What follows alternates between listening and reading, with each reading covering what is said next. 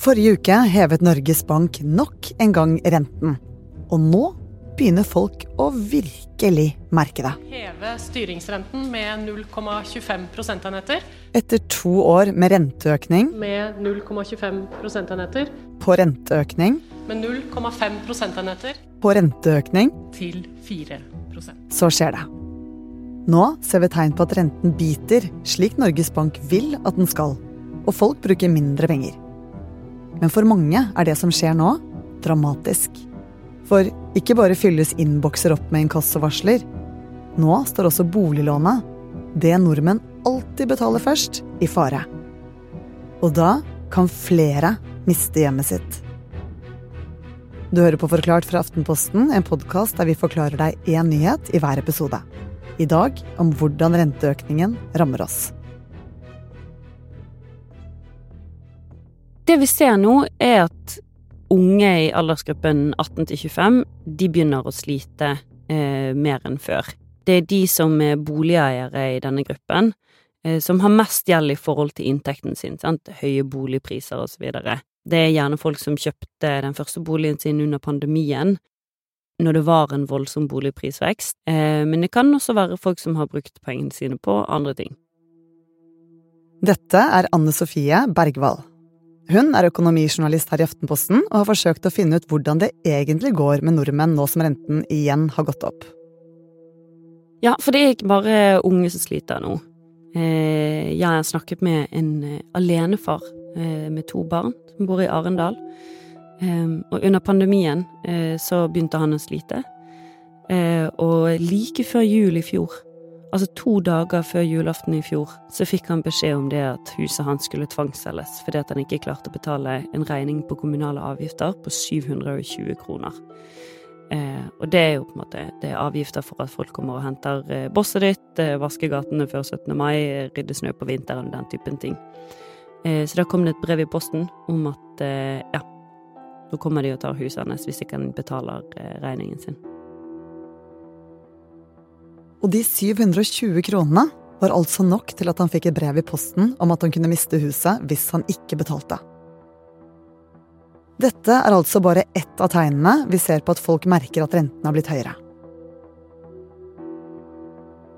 Altså, vi har jo sittet nå i halvannet år og sett på rentene stige, og ventet på at folk skulle begynne å bruke mindre penger. Vi har ventet på at man snakker om det at renten skal bite, vi må vente på at renten skal bite.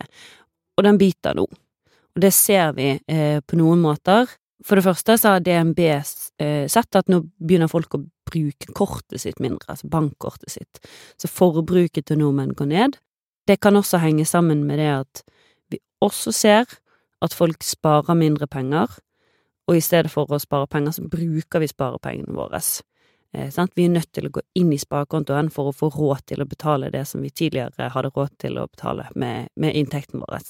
Og den siste trenden er det at man ser det at eh, mens en del bruker av sparepengene sine, så er det en økning i, i andelen som sliter så mye at de ikke klarer å betale regningene sine, og at de går til inkasso. Det betyr at et eget selskap krever inn det du skylder, pluss heftige gebyrer. Så hvis du ikke betaler, så blir den opprinnelige regningen bare dyrere og dyrere. Og det er to typer inkassokrav. Det ene som går på lån som er usikret. Ja, det kan jo være eksempel hvis du kjøper en eh, konsertbillett eh, på nett, så er det jo veldig mange som kjenner til Klarna. Sant? Du kan betale litt seinere, eh, og så glemmer man å betale den regningen når fristen har gått ut. Eller man kjøper klær på nett, eller man har kjøpt andre ting på avbetaling. og så klarer man ikke betale for det. For eksempel mobilregning kan det også være. Men den andre typen er mye mer alvorlig. Den andre typen lån er lån som er sikret i noen verdier. Det kan være huset ditt, det kan være bilen din, eller hytten din, for eksempel. Og det betyr det at for å få det lånet, så sier du til den du låner penger av, at hvis jeg ikke klarer å betale dette lånet, eh, så kan du selge denne eiendelen jeg har, for å få pengene dine. Og det er det vi ser nå, at det er flere som står i fare for å miste huset sitt.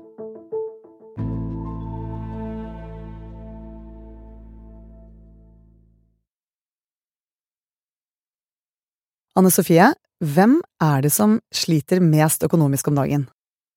På Oslo OsloMet så finnes det et institutt som forsker på forbruket vårt, og de har laget en rapport hvor de deler oss som forbrukere inn i fire grupper. De gruppene er de trygge, som eh, utgjør ganske mange av oss, de utsatte, sliterne og til slutt de som er ille ute. Halvparten av oss befinner seg i kategorien trygge. Det er de som har tatt høyde for en høyere rente da de fikk boliglån, og som har så god økonomi at de ikke trenger å tilpasse seg. De som sliter, utgjør 12% av oss.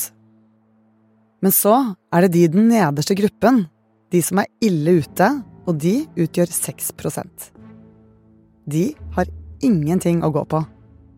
Sånn som alenefaren som Anne Sofie pratet om, som holdt på å miste huset fordi han ikke klarte å betale kommunale avgifter. Han mistet ikke huset.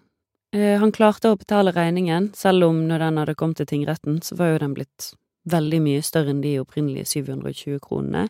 Han lånte penger, og nå har han, eh, i tillegg til den jobben han hadde som selvstendig næringsdrivende, så har han eh, fire jobber.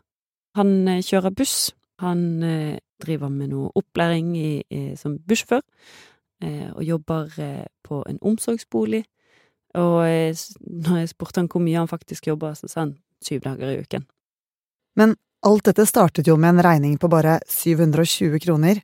Er det sånn at staten bare kan gå inn og ta huset ditt på grunn av en sånn regning?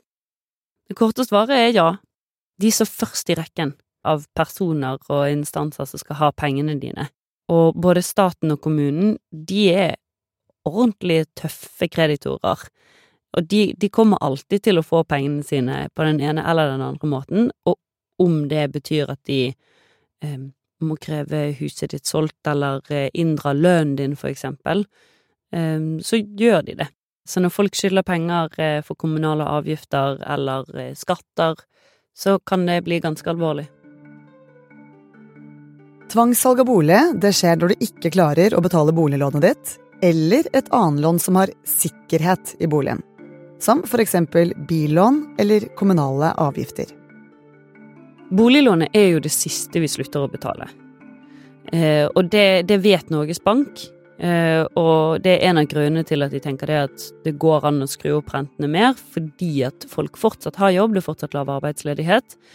Eh, og da kommer vi til å kutte alt annet forbruk først. Og det ser vi. Vi har kuttet forbruket, eh, og nå begynner inkassoene på andre regninger å renne inn. Vi sliter med å betale vanlige ting, og da begynner vi også å slite med å betale for boliglånet. Det ser vi fordi at 16% av nordmenn sliter såpass med å betale boliglånet at de enten har bedt om avdragsfrihet eller refinansiering av lånet. Men hvor langt må det gå før du faktisk mister huset? Det er en liten prosess, men sånn foregår det. Den du skylder penger til, kan gå til tingretten og kreve at boligen din selges. Du får litt tid til å gjøre opp for deg, men klarer du ikke det, kan tingretten beslutte at boligen må selges. Det skal egentlig veldig mye til for å miste boligen eh, hvis du misligholder boliglånet ditt. Sant? Hvis du sliter med å betale boliglånet, så får du først en purring, eh, og så kan du liksom Du kan misligholde det flere måneder på rad før det skjer noen ting med det. Hvis de da krever eh, regningen betalt, da tar de hele boligen din. Da kommer hele regningen på hele lånet, og så sier de 'selg boligen din, vi vil ha det tilbake'. Men det er ikke egentlig boliglånet eh, som er det farligste. Eh, det er de små regningene som du ikke forventer. Det er eh, kommunale avgifter, som vi har nevnt. Eh, og det er forbrukslånet som er sikret i boligen din. Hvis du ikke klarer å betale de regningene, og det går til inkasso, og du ikke betaler inkassoet, da kommer de for å ta boligen din. Anne Sofie, hvor alvorlig er dette som skjer nå? Det er ganske alvorlig. I Oslo så har krav om tvangssalg på bolig gått opp med hele 28 prosent, og det har også vært en ganske stor økning i både Bodø, Tromsø og Bærum. Samtidig som dette er tragisk for mange, så er det et lite lys i tunnelen. Fordi at folk begynner å få dårlig råd, betyr også at vi bruker mindre penger. Som er målet med alle rentehevingene. Eh, det handler om at vi skal tenke oss om før vi eh, går på shopping, før vi kjøper eh, ny PlayStation eller Xbox til boden. Det er målet fordi at inflasjonen, altså prisveksten, har jo vært på over 6% Og det har gjort det at eh, Norges Bank har eh, satt i gang et ganske heftig regime med rentehevinger. Nå er renten på 4% og vi begynner å se det at det funker. Ehm, og nå er, sant, nå er prisveksten på 5,4% Det er mye lavere enn det det har vært tidligere, og det, det mener banken betyr at rentehevingene virker. Ja, Men holder det ikke nå, da? Er det ikke Må den heves mer enn dette? Norges Bank mener jo det at eh, det må i hvert fall én renteheving til, men at rentetoppen kan være nådd da. Men alt dette avhenger jo av hvordan det går eh, ellers med prisveksten. Og det som skjer nå, med folk som står i tøffe økonomiske tider, fører til en annen konsekvens for samfunnet vårt. Nemlig større sosiale ulikheter. Den rapporten som vi nevnte tidligere fra Oslo OsloMet, den slår jo faktisk fast at vi ser et økende økonomisk, sosialt og helsemessig skille i, eh, i det norske samfunnet. Sant? Hvor du har da denne halvparten av befolkningen som er helt trygge, som ikke tenker så veldig mye på disse økende eh, prisene, og, og den nederste 18 prosentene med de som sliter og de som er skikkelig ille ute. Eh, som da kommer til å ha problemer med å betale tannlegeregninger, med eh, å beholde hjemmet sitt, med å beholde bilen sin, eh, og som kommer til å slite da ikke bare nå, men også i lang tid framover.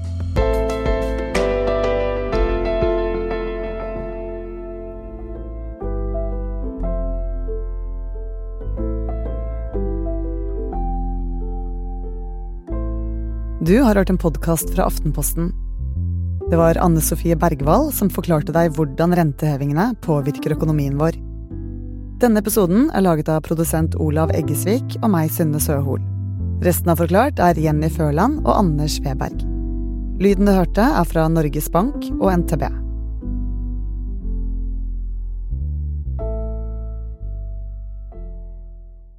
Og helt til slutt mange av dere har spurt om vi ikke kan lage en lengre variant av Forklart, og det har vi jo på en måte gjort. Podkasten Dypdykk går dypt inn i fenomener i tiden vi lever i, som mekanismene bak konspirasjonsteorier og det norske strømmarkedet. Og nå får du som er Forklart-lytter prøve Podmy helt gratis i én måned med rabattkoden DYPDYKK. Den kan du bruke hvis du besøker podmy.com for å bli abonnent. Podmy.com. Hvis du ikke har hørt om dypdykk ennå, så syns jeg du bør ta en lytt, for det er både lærerikt og underholdende. Og så gir det deg litt mer kontekst og argumenter som du kan ta med inn i diskusjoner med venner og familie. Og her er en forsmak på sesong to av Dypdykk, som starter i morgen, med en stemme du sikkert kjenner igjen fra Her i Forklart. Marit Eriksdatt Gjelland. Alt skal tallfestes. Topp score ti av ti. En god vurdering får det til å lyse opp i hjernen vår og kan få oss til å prestere bedre. Men gjør det samtidig verden til et litt kjipere sted? Vi blir eh, overvåket av enten kommersielle eller offentlige. Så blir jeg jo vel nødt til å selge og selge og selge. Hør ny sesong av Dypdykk fra onsdag 23. august i Podmy eller Aftenposten-appen.